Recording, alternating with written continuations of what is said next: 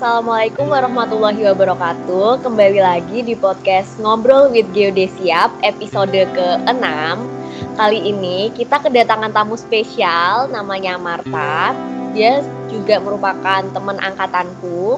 Dan kali ini kita bakalan ngobrol seputar pengalaman Marta dalam mengikuti program kampus mengajar yang diadakan oleh Kemdikbud itu merupakan salah satu program dari Merdeka Belajar Kampus Merdeka.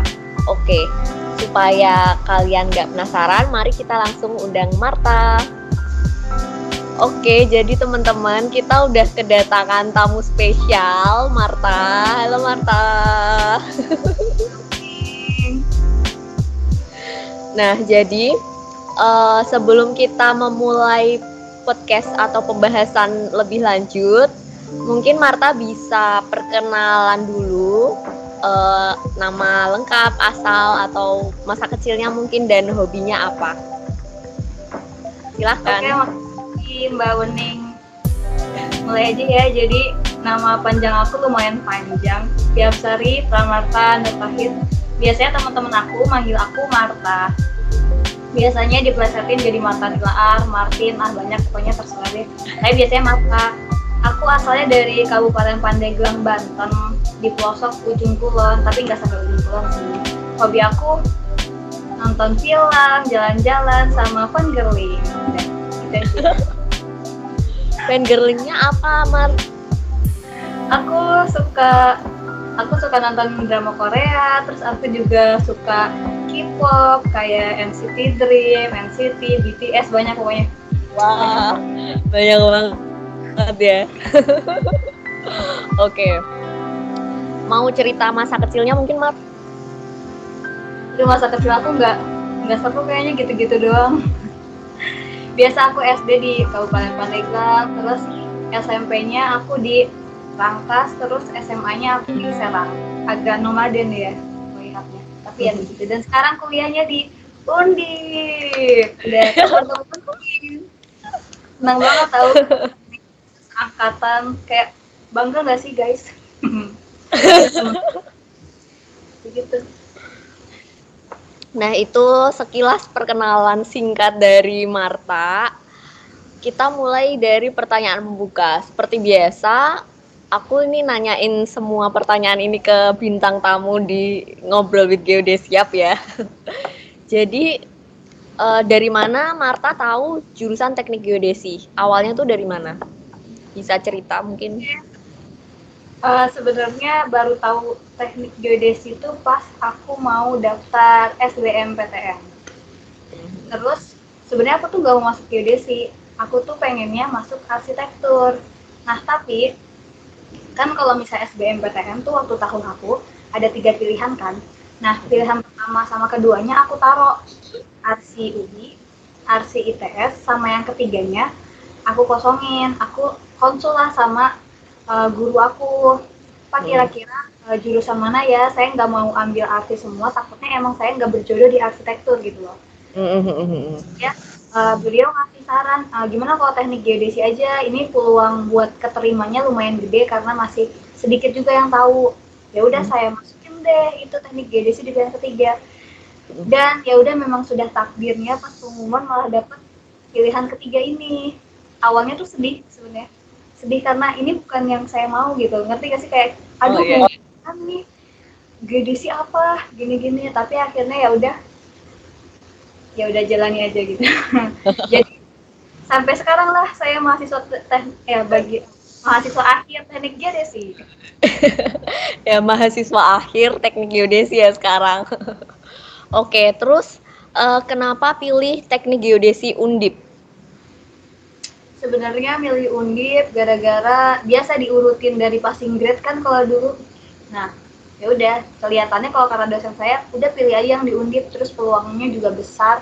Ya udah saya waktu itu nggak nggak pengen ya udahlah saya pilih aja gitu. Mm-hmm. jadi emang bukan karena saya pengen di undip saya mah sebenarnya nggak mau di undip pengennya mah di UI ya tapi kalau misalnya udah punya di undip ya udah. Sekarang betah kok di sini alhamdulillah teman-temannya baik-baik terutama Unkim Jadi ini sebenarnya masuk ke pertanyaan selanjutnya sih.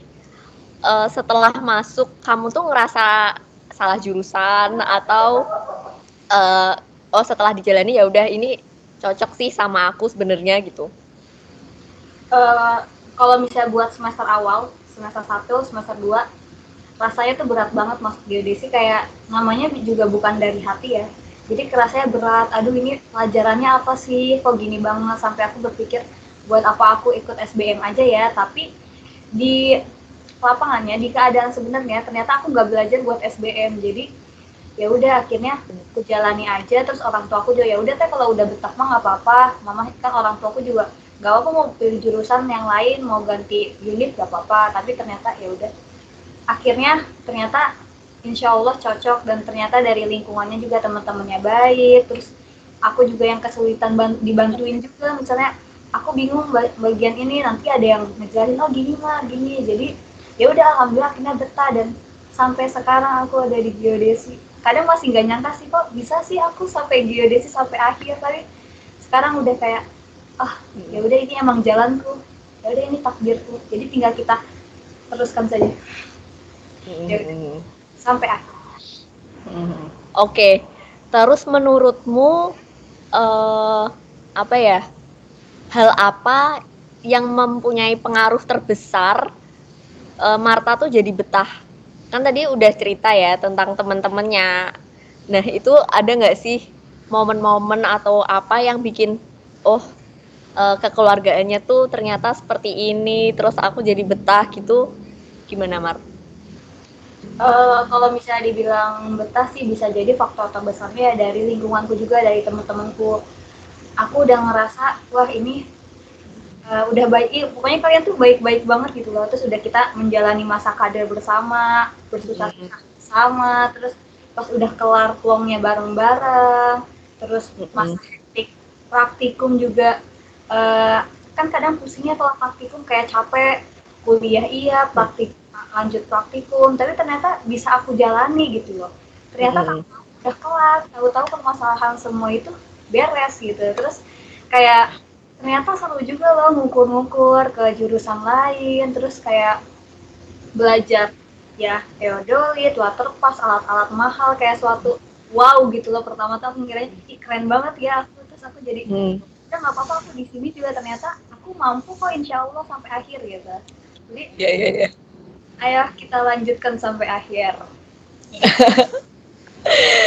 kurang bentar lagi nih Marta mau sampai ke garis finish. Doain ya teman-teman, semoga bisa lulus tahun ini. Amin. Bisa nyusul uning, amin. Pengen banget doain ya lulus tahun ini semua. Aduh, aku ingin. Amin, amin, amin. Terus kembali ke topik utama, tadi aku udah mention kalau kita kali ini bakalan ngobrol seputar pengalaman Marta ikut program kampus mengajar yang diadakan oleh Kemdikbud yang merupakan salah satu program Merdeka Belajar Kampus eh Merdeka Belajar Kampus Merdeka, ya nggak sih? Ya, benar. Nah, uh, coba ceritain pengalamannya Mar. Gimana sih kamu bisa tahu infonya, terus uh, daftarnya gimana, terus setelah kamu keterima tuh gimana gitu? Uh, mungkin uh, dari awal kata Oneng tahunya dari mana? Nah, hmm. sebenarnya taunya ini malah dari teman. Jadi ada rekanku sama jurusan, seangkatan juga, dia mau daftar kampus mengajar ini. Terus sebelumnya dia sempat tanya-tanya, Mak, Mar, buat minta tanda tangan ini gimana ya? Kebetulan soalnya sebelumnya aku pernah ngurus-ngurus. Ya udah aku ngabarin. Terus emang kamu mau ngapain? Kan biasa kepo lah ya kita-kita. Iya, iya. Mau daftar kampus mengajar. Pak, apaan tuh? Terus dikasih lah linknya, gini-gini. Terus aku baca, oh lumayan nih kan aku di semester kemarin semester 8 ini kan cuma ngambil tugas akhir nah lumayan juga terus waktu itu aku belum sempro jadi oh nggak oh, apa iya. pengalaman juga biar aku nggak gabut-gabut amat jadi seenggaknya aku tuh nggak cuma pusing di TA jadi aku punya kegiatan lain gitu loh terus mm -hmm. Ini tuh ngajar jadi ngajar ke SD SD di mm -hmm. seluruh negeri di Indonesia terus buat SD-nya yang akreditasinya itu C sama 3T. Nah, oh iya iya. iya. Terus udah itu ya udah aku coba daftar. Waktu itu aku daftarnya di uh, hari terakhir. Bener-bener tank hari terakhir. Nah, daftar nih ada pilihannya pilihan satu pilihan dua pilihan tiga kayak di SBM itu tuh ter, itu tuh kayak pilihan satu tuh ting, SD-nya tingkat kecamatan yang kedua tuh tingkat kabupaten yang ketiga tingkat provinsi. Nah kebetulan aku ambilnya sesuai domisili. Domisili itu kemarin di Tembalang. Nah oh ya di kecamatan Tembalang ini nggak ada SD yang akre C jadi aku nggak bisa ambil pilihan satu. Langsung lah ke yang tingkat kabupaten. Nah mm -hmm. temanku udah bilang Mar kalau mau pilihan dua sama tiganya nyamain aja. Kan tingkatnya kabupaten sama provinsi. SD ini sama ini udah deh aku pilih yang keduanya SD baru Nawati yang ketiga aku udah lupa. Nah udah lama akhirnya di situ ada tahapan lagi selain registrasi yang apa pendaftaran awal ada tahap selanjutnya itu uh, tentang apa namanya uh, wawasan kebinekaan. Nah ya udah. Oh. ya udah habis udah itu keterimalah aku. Ya udah terus ditempatin di SD Baru Nawati. Pertamanya aku aku tuh sama sekali nggak tahu SD Baru Nawati itu di mana. Terus itu kayak hmm. tadinya pas diterima tuh kayak kaget. Aduh gimana ya? Aku tuh jauh banget. Masalahnya aku walaupun bisa naik motor aku nggak hmm. berani sampai Semarang bawah gitu. Aku cuma muterin oh, paling jadi itu tuh salah satu yang kayak uh, penghambat aku juga. Aduh gimana ya? Aku bisa nggak ya ke bawah sendiri? Tapi karena keterpaksaan keadaan alhamdulillah jadi di tahun ini aku bisa naik motor sampai bawah. Ya ampun jadi ada hikmahnya juga ya di balik uh, keterimanya Marta dalam program itu kita naik motor sampai bawah terus pengalamannya bener-bener kayak berkesan banget soalnya kita kan ngajar di SD saya kan waktu itu di Barunawati itu tuh di pesisir sana dekat dekat apa namanya Tanjung Mas. Nah, SD-nya tuh hampir di bawah flyover. Jadi tiap tiap ada truk yang lewat tuh kedengeran sampai SD. Terus ya udah kemarin kan lagi nggak tatap muka ya online semua. Tapi sayangnya uh, ini nih karena anak SD jadi mereka jarang yang megang gadget gitu loh. Jadi nggak pada HP. Jadi mereka cuma ke sekolah ngambil latihan soal terus nanti balikin lagi gitu sistemnya. Nah dari situ kita ini aku kan waktu itu bertujuh kita tuh bikin program terus programnya itu meningkatkan literasi dan numerasi sesuai yang waktu itu pernah di uh, dibimbing jadi waktu itu kita ada pembekalan juga tentang materi-materi yang uh, sekiranya akan dilaksanakan di penempatan SD-nya ya udah jadi dari situ tiap minggunya dari mahasiswa-mahasiswa yang dari Undip, dari UNES, ada yang dari UPUDES juga kita ngajar di sana. Terus kita sortir sekiranya murid mana yang butuh bantuan dalam membaca. Jadi ternyata oh. di kelas 5 aja ada yang belum lancar membaca. Jadi kita bantulah mereka. Kelas 5 SD belum lancar baca. Iya, makanya sangat disayangkan gitu sekali. Terus akhirnya kita bantu juga mereka um, baca terus ngerjain soal. Jadi kita ke SD 6 ya, 6 kali 6. Berapa? Berapa kali 6? Berapa 6 kali 6? Hah? 6 kali 6 empat buat para guru juga kita bikin pelatihan buat kayak mengoperasikan komputer, Excel, Word. Kayaknya itu pengalamannya sangat mantep. kayak belajar bersyukur juga buat kita kita yang sudah berkecukupan yeah. Yang nonton ini kalau misalnya lagi luang bisa juga daftar kampus mengajar. Lumayan selain dapat pengalaman, terus kita bisa bantu berkontribusi juga sama uh, masyarakat di luar. Terus selain itu uh, ada tambahannya kayak dapat sertifikat sama dapat uang saku juga jadi ini yang bikin aku pengen daftar juga salah satunya karena nanti ke depannya di semester selanjutnya aku bakal dapat bantuan potongan UKT sama dapat uang saku juga. Kan uh, lumayan ya buat mahasiswa tingkat akhir untuk membayar uang saku di semester selanjutnya. Yeah. jadi yeah, yeah. aku muter otak gimana caranya aku mau tetap bantu orang tuaku biar bayarin UKT karena rasanya nggak enak gak sih? Kita tuh udah tua tapi masih masih bayar UKT gitu pak. Masih minta tolong orang tua jadi ya udah begitulah jalannya begitulah kurang Oke, menarik banget ya. Jadi itu Marta mengikuti satu program yang manfaatnya tuh bisa banyak banget. Uh, dia dapat pengalaman uh, inilah pengalaman karena itu di bidang pendidikan juga ya. Terus uh, sosial juga kemasyarakatan karena berhubungan langsung sama uh, anak-anak SD-nya dan guru-gurunya. Terus selain itu dia juga punya karena ada saku ya dari uh, program itu. Jadi kayak all in one dalam satu program gitu. Terus uh, sebenarnya tuh podcast sebelum ini jadi di episode lalu aku juga ngobrolin tentang mengajar gitu jadi kayak mengabdi di SD gitu sama Laila karena kebetulan Laila juga pernah ikut uh, program mengabdi gitu dan itu di daerahnya dia yang juga lumayan dia uh, lokasinya itu 30 menit dari kota. Nah, kalau yang uh, Marta rasain sendiri setelah uh, ikut program ini gimana sih melihat peran pemerintah dalam memperhatikan sekolah-sekolah yang masih kayak gitu gitu. Uh, menurut si Marta gimana? Soalnya kan uh, SD-mu itu kan juga lokasinya ada di Semarang kan? Ya kan Marta? Nah. ada di Semarang dan Semarang itu merupakan ibu kota Jawa Tengah dan masih di Pulau Jawa gitu. Dan ternyata masih ada sekolah yang mungkin fasilitasnya belum memadai dan masih perlu buat dibantu. Nah, menurut Marta kayak gimana? Uh, sebelumnya SD yang saya tempati itu SD-nya swasta ya, bukan negeri. Jadi oh, iya. uh, dia uh, ada yayasan.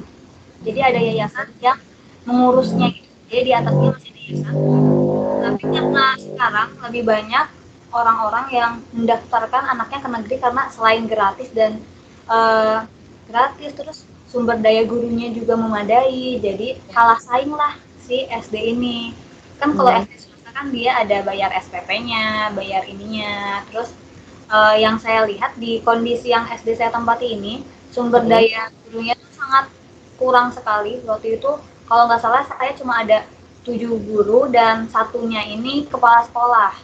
Uh, itu banget ya. Iya, jadi uh, kepala sekolah ini juga merangkap ngajarin juga. Jadi misalnya kelas 1 sama kelas 2 diajar oleh satu guru, kelas 3 sama 4 satu guru, kelas 5 sama 6 sama kepala sekolah. Hmm. Dan tahun ini aja mereka untuk kelas satunya itu nggak ada karena kurang minat yang daftar lebih banyak mendaftar ke negeri kalau upaya hmm. pemerintah sendiri mungkin menurut saya sudah cukup berjalan dengan adanya bantuan dana bos dan lain-lain dan uh, saya lihat juga dengan diadakannya apa namanya kampus mengajar ini itu hmm. berarti membantu mahasiswa yang punya inovasi lebih maju untuk pengembangan di SD karena biasanya kalau misalnya guru-guru kan udah tua jadi uh, mohon maaf masih perkembangannya itu tidak sesuai dengan keadaan sekarang yang sudah uh, uh, sudah maju ya, sudah internet, jalan, apa-apa menggang gadget. Nah, uh, si mahasiswa ini di um, apa namanya Mas Nading ini pengennya mahasiswa ini membantu ma apa siswa-siswa ini buat semangat lagi dalam belajar karena sudah setahun lamanya mereka di rumah dan males-malesan. Jadi biar membangkitkan semangat lagi. Jadi kalau misalnya ditanya tentang upaya pemerintah dalam penanganan pendidikan di Indonesia menurut saya sudah cukup bagus cuman mungkin perlu lagi ditingkatkan. Oke. Okay.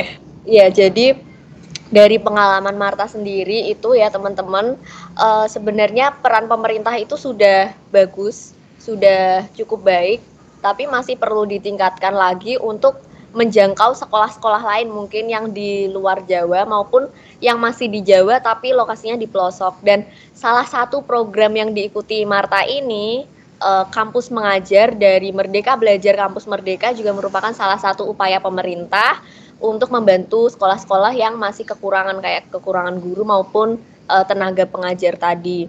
Dan teman-teman juga bisa nih ikutan uh, jadi selain kalian bisa mendapatkan manfaat yang banyak, uh, pengalaman dan juga finansial tadi ya ada uang saku, kalian juga bisa membantu pemerintah untuk meningkatkan kualitas pendidikan yang ada di Indonesia. Oke. Okay. Nah. Benar. Oke. Okay. Nah, selain itu ada nggak sih momen atau hal apa yang uh, di perkuliahan ini itu nggak bisa kamu lupain kayak momen berharga banget yang mungkin bisa di share bisa menginspirasi teman-teman yang lain. Momen yang nggak pernah bisa saya lupain pokoknya selama apa pun praktikum. Praktikum dari awal dan terakhir yang sangat berkesan sekali bagi hidup saya itu kemker karena kita selama kurang 10 harian nih ya. 10 hari kita bareng-bareng yes, kayak bener-bener dari bangun ketidur lagi ketemu orang itu lagi itu lagi itu lagi. Sampai kadang merasa jenuh bosan karena ketemunya dia lagi ketia lagi terus praktikum capek bareng-bareng ngolah sampai tengah malam. Tapi gara-gara ada kemah kerja itu jadinya oh begini ya ternyata di lapangan. Oh oh berarti materi yang kemarin kita pelajari gini ya ternyata gitu. Jadi paham banget. Jadi benar-benar kayak senang banget kalau ada kemker walaupun ada sedihnya juga tapi ada senangnya juga ada kita bisa bareng-bareng gitu ya, yang sangat terkesan pokoknya kemah kerja paling mantap Mantap banget. Oke deh. Jadi ya teman-teman sampai episode ke-6 kali ini itu udah ada tiga narasumber, ada tiga bintang tamu yang bilang kalau momen tak terlupakannya itu waktu kemah kerja. Ya, Emang bener mungkin teman-teman yang lain kalau misalnya di di jurusannya ada kemah kerja, terutama yang teknik geodesi ya, itu jangan sampai sia-siakan momen itu karena itu kayak uh, paling gimana ya paling banget bisa dikenang dan banyak banget ilmunya juga hikmah-hikmah di baliknya gitulah. Pokoknya kayak susah senang bersama gitu kan Mar? Ya, banget. Kayak semua di di apa semua praktikum yang pernah kita lakuin di awal tuh ada semua di sini. Kayak udah itu paling mantap lah pokoknya Kemker.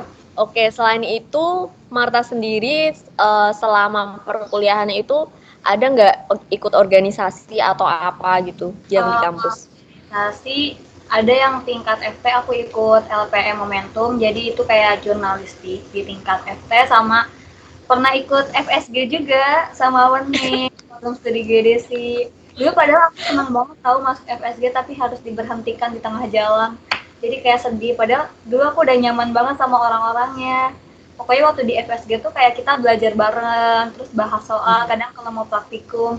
Pokoknya sangat pokoknya kalian anak kalau ada adik tingkat anak GDC wajib banget masuk FSG karena keren banget FSG tuh. Terus lihat dia presidennya Uti sayangnya waktu kita tidak lama waktu di FSG padahal aku Oke oke.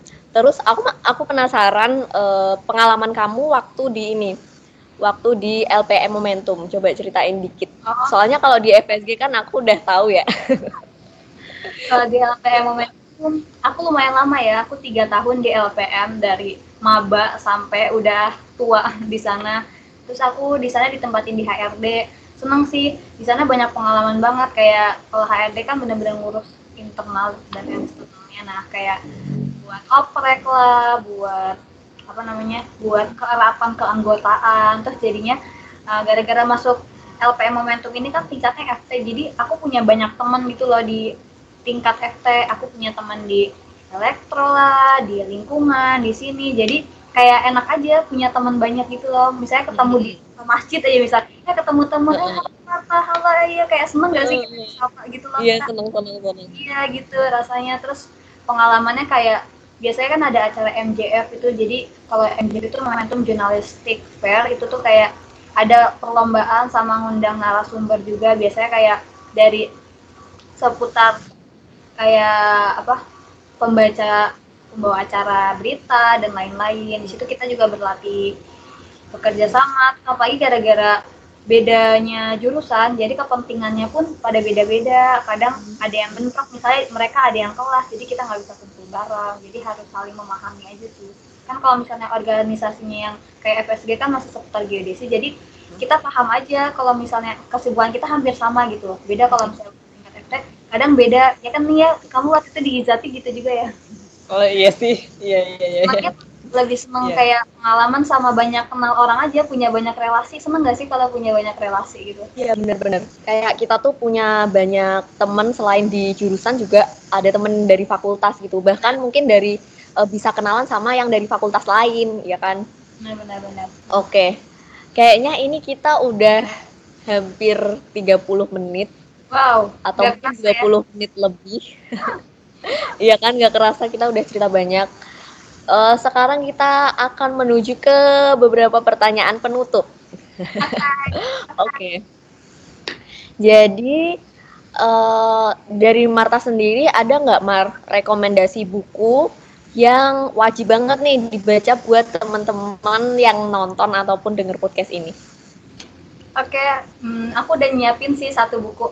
Aku begini ya, nanti bukunya ada di sini. Ning. Iya. itu Iya, iya. Di Lestari.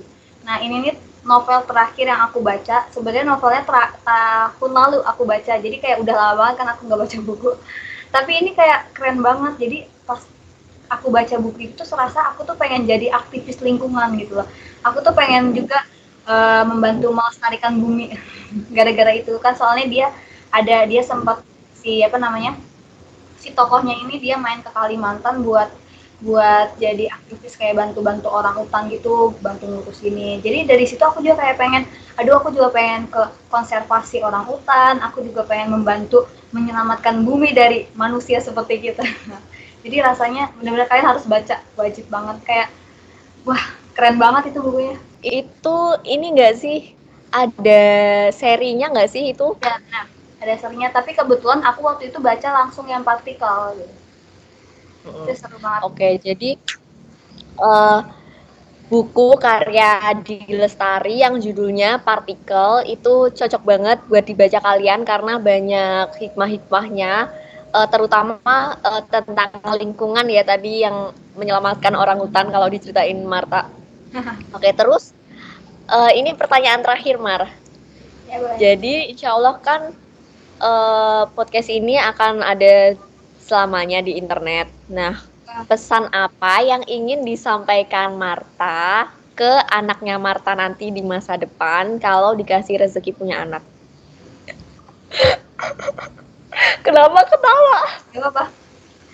Ya aku mulai. Kalau anak aku, lihat aku kan ini ibumu di usia 22 tahun sedang menjalankan skripsi dan berjuang untuk lulus kamu harus bangga karena punya aku